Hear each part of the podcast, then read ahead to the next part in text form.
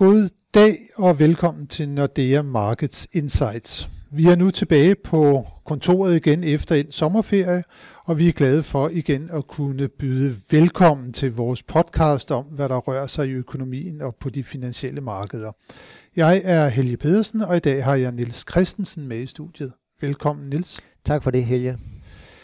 Og i dag, Niels, skal vi lave en status på, hvad der har rørt sig på de finansielle markeder hen over sommeren, og også se fremad på, hvad vi kan vente os inden for den nære fremtid. Og vi kan vel lige så godt starte med at konstatere, at risikoappetitten, ja, den er fortsat højt blandt investorerne. Hvad skyldes det egentlig? Ja, vi har set nye rekordhøje aktiemarkeder, både i USA og også her i Danmark. Og det skyldes flere faktorer gode økonomiske nøgletal, som viser, at der er god gang i væksten. Vi ser det herhjemme, vi ser det i USA, vi ser det rundt om i Europa, og så har vi også fået en stribe øh, gode regnskaber fra de danske virksomheder, fra internationale virksomheder, som viser, at stor indtjening og også stor optimisme med hensyn til fremtiden. Så det gør, at investorerne fortsætter med at købe aktierne i stor, stor grad, Øh, og som sagt, vi ser fortsat store stigninger. Hvis vi ser på C, øh, OMX C25, ja, så er vi oppe med 17 procent år til dato. Øh, og det kommer jo ovenpå en stigning sidste år på hele 33 procent. Øh, så det er imponerende, øh, at aktiemarkederne kan blive ved med at levere så store øh, kursstigninger. Og det er vel også fordi, at der er efterhånden kommet meget godt gang i store dele af økonomien igen. Vi ser genåbnede samfund øh, mange steder. Vaccinationsprogrammerne de har vist sig at være ret effektive, selvom vi nu bliver drillet lidt af delta-varianten. Det er høje stigninger på øh, aktiemarkederne, men den gode økonomiske vækst i kombination med, at der jo ikke er udsigt til, at der kommer en markant stramning af pengepolitikken. Det er vel det, der er med til at øh, holde tilliden høj blandt investorerne. Absolut. Absolut. Finansmarkederne har stor fokus på de økonomiske aktivitetsdata, men de har lige så stor fokus på inflationsdata, fordi man ved, at det er der, blandt andet centralbankerne også har deres fokus. Øh, og der er det springende punkt jo, hvornår centralbankerne begynder at tilbagerulle den meget lempelige pengepolitik. Øh, og kigger vi på inflationen, ja, så er den selvfølgelig ikke bare på vej opad, den er allerede steget ganske betydeligt. Øh, moderat i Danmark vil jeg sige, vi har en inflation på 1,6-1,7 har vi haft hen, hen over sommeren. Det er jo højt, øh, eller højere end, end de senere år, hvor vi har haft lave inflationstakter omkring en halv procent osv., men øh, så, så også i Danmark fornemmer vi et, et større inflationspres, men når vi taler de store centralbanker, så er det selvfølgelig USA, vi tænker på, øh, og derfor den amerikanske inflation, hvor inflationen i USA ligger omkring 4-5 procent, øh, og der har den amerikanske centralbank jo lagt stor vægt på, at de vurderer at det vi ser i øjeblikket er midlertidigt. Øh, og vi må sige, at vi fik så sent som her, jeg ved ikke om det var tirsdag eller onsdag, inflationstal for juli måned, øh, og de var lidt lavere end forventet. Så måske har centralbanken ret i, at det bliver midlertidigt. Omvendt, så kan vi jo også se, at der er mange forhold, der taler for, at inflationen måske godt kan bide sig lidt fast. Øh, vi har tidligere talt om flaskehalse. Vi begynder at se arbejdsmarkedet selvom der bliver skabt mange job, så er der også sektorer, der mangler øh, beskæftigelse. Vi har talt om råvarepriserne, som er steget kraftigt, og så har vi også set på øh, ikke mindst fragtraterne. Øh, og det er måske på det sidste, hvor vi er blevet mest overrasket, netop at fragtraterne fortsætter med at stige. Øh, tilbage i, i foråret øh, fik vi supertankeren eller den store skib, der lagde sig på tværs i Suez, som man så sagde, om det var lige midlertidigt, at, at der fortsat ville være problemer med levering fra øst til vest. Øh, men det har altså lidt mere sat sig fast i, i systemet. Øh, det virker som om, at øh, selve transportlogistikken, den ikke er kommet sådan helt på plads igen efter pandemiudbruddet faktisk sidste år, hvor det jo var, at mange container de blev oplæret der, hvor de nu engang var, og ikke hvor der fremtidig kunne være behov for dem. Og hele det mismatch, det har man ikke fået, fået løst endnu. Og så er der jo også nogle kinesiske havne, som der har været ramt igen her af corona-udbrud, og derfor har opereret på en meget lav kapacitet, og vi må jo konstatere, at vi skal vende blikket mod Kina, når vi ser på sådan stor del af den internationale transport, fordi at Kina er bare verdens største udskibningshavn, ja. om man så kan sige. Ja. Ja, det, det, kan, det kan virke paradoxalt, at vi for få år siden havde et, et globalt øh, transportsystem, som, som ja, man hørte aldrig om det, ikke? og det gjorde man jo nok, fordi det kørte gnidningsfrit. Øh, at det så, så, jeg vil ikke sige bryde sammen, men alligevel kan, kan, at der kan komme så meget grus i maskineriet, at det kan, det kan forvolde så kraftige stigninger i, i fragtraterne. Ingen, der kunne forudse. Vi må så sige negativt for mange, men også positivt for mange. Vi har jo flere store danske virksomheder i transportbranchen, ikke? og de nyder jo så godt øh, af de her høje fragtrater. Det gør de nemlig, men det er jo en af de faktorer, som de store centralbanker vurderer som være midlertidige. Altså de har en formodning om, at øh, logistikproblemerne de kommer til at løse sig øh, på sigt. Og derfor er de, at, blandt andet derfor er de ikke helt så, så bekymrede for, at inflationen den kommer til at, øh, at sætte sig rigtig fast. Men som du også var inde på, arbejdsmarkederne begynder at blive stærke mange steder, og mange lande, der ser vi, at der bliver der meldt om mangel på kvalificeret arbejdskraft øh, lige for tiden. Og der er vel en risiko for, at det så kan udmønte sig i nogle højere lønstigninger, der måske så kan føre til sådan en god gammeldags løn forbrugerpris øh, inflationsspiral. Absolut, absolut, og jeg synes øh, måske Danmark er et godt eksempel, øh, hvor arbejdsløsheden hurtigt er kommet ned igen efter coronakrisen og, og den stigning, der var i ledigheden sidste år.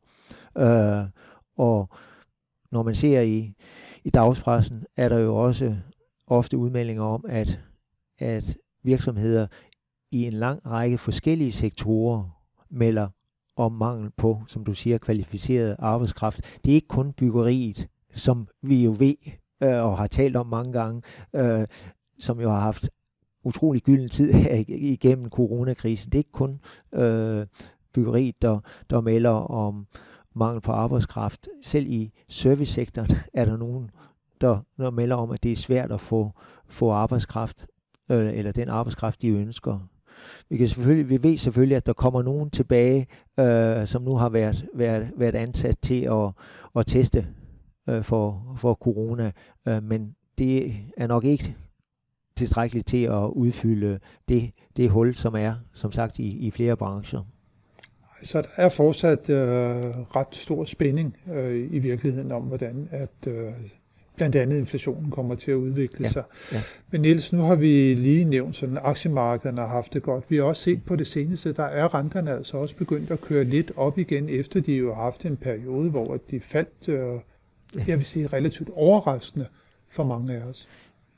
De faldt overraskende, og de faldt overraskende meget Øh, og her taler vi om de lange renter, altså jeg tænker på 10-årige stats, statsobligationer blandt andet, øh, hvor vi så især i USA øh, i forsommeren og hen over sommeren ind til, ja, inden for de seneste par uger, kraftigt rentefald, øh, mere end 50 basispunkter i den lange amerikanske rente, som jo ikke rigtig harmonerer med, at, at der er frygt for inflation. Økonomien kører på høje navler. Øh, forventning om, at centralbanken kan begynde at stramme op. Jeg tror, selvom det kan være, hvad hedder det, svært at forklare, at en af årsagerne til, det var, at investorerne, øh, hvad skal man sige, var for langt frem i skoen. Øh, de fik alt for store positioner, som i forventning om, at renten ville stige ganske voldsomt. Og den, da den så begyndte at, at stabilisere sig, og også begyndte at sive lidt, jamen så fik de kolde fødder, og når de skal lukke de her korte positioner, så skal de købe op i obligationen, og så falder renten. Så det var den effekt, der fik de lange renter til at falde så meget, som de gjorde. Og så var det selvfølgelig også, skal man ikke glemme, eller ja, ikke glemme, at centralbankerne har haft stor succes i den kommunikation til markederne. Den europæiske centralbank vil jeg sige, mere duagtig, end man har regnet med, øh, og komme med nye øh, målsætninger for inflation, og, og dermed dæmpede forventningerne til, at de vil begynde at reducere i deres obligationsopkøb, og tilsvarende fra, fra den amerikanske centralbank, har ikke haft travlt med at signalere, at nu begynder vi altså at, at stramme op. Så det er en, en væsentlig forklaring på ja. den udvikling, vi har haft på rentemarkedet. På det seneste, ja. Ja, på det seneste har ja. vi så set, rentene begyndt at køre op igen. Nemlig, og især i USA. Især i USA, fordi man trods alt begynder at sige, det kan ikke vare ved med den lempelige pengepolitik. Øh, flere og flere af de øh, medlemmerne af den amerikanske centralbank begynder at, at nævne, at vi nærmer os, vi er tæt på det tidspunkt, hvor centralbanken bør melde ud, at der er behov for at reducere opkøbet af obligationer. Og det er klart, når de store, den store efterspørgsel fra centralbanker, den langsomt bliver trukket væk, så alt andet lige, så må øh, de lange renter begynde at stige igen. Og indtil videre, så er den rentestigning, den er mere på sådan en forventet handling fra centralbanken, ja. Ja. fordi vi har jo endnu ikke set, at man har truffet beslutninger om Nej. Der er der store spænding og forventning øh, til det FOMC-møde, altså rentemøde i den, øh, den amerikanske centralbank den 22. september, at det kunne være tidspunktet, hvor de kunne være mere præcis. Ikke nødvendigvis fra den dato og begynde at reducere, men de kunne nævne en fremtidig mm. dato 1. oktober, 1. november eller 1. december, og måske også øh, komme med en mængdemæssigt øh, specifikation af, hvordan de tænker sig at nedbringe opkøbene.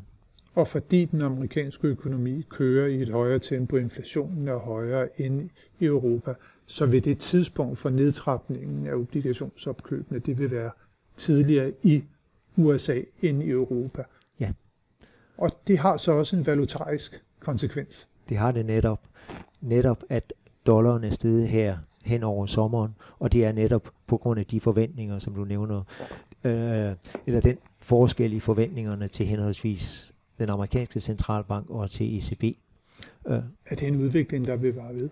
I hvert fald på den korte bane de næste par måneder vil vi nok stadigvæk se, at det er dollaren, der har overtaget. Vi har her på det seneste set, at dollaren over for den danske krone er blevet handlet op i årets højeste niveau, 6 kroner og 36, øh, en stigning på en godt 5% siden årsskiftet.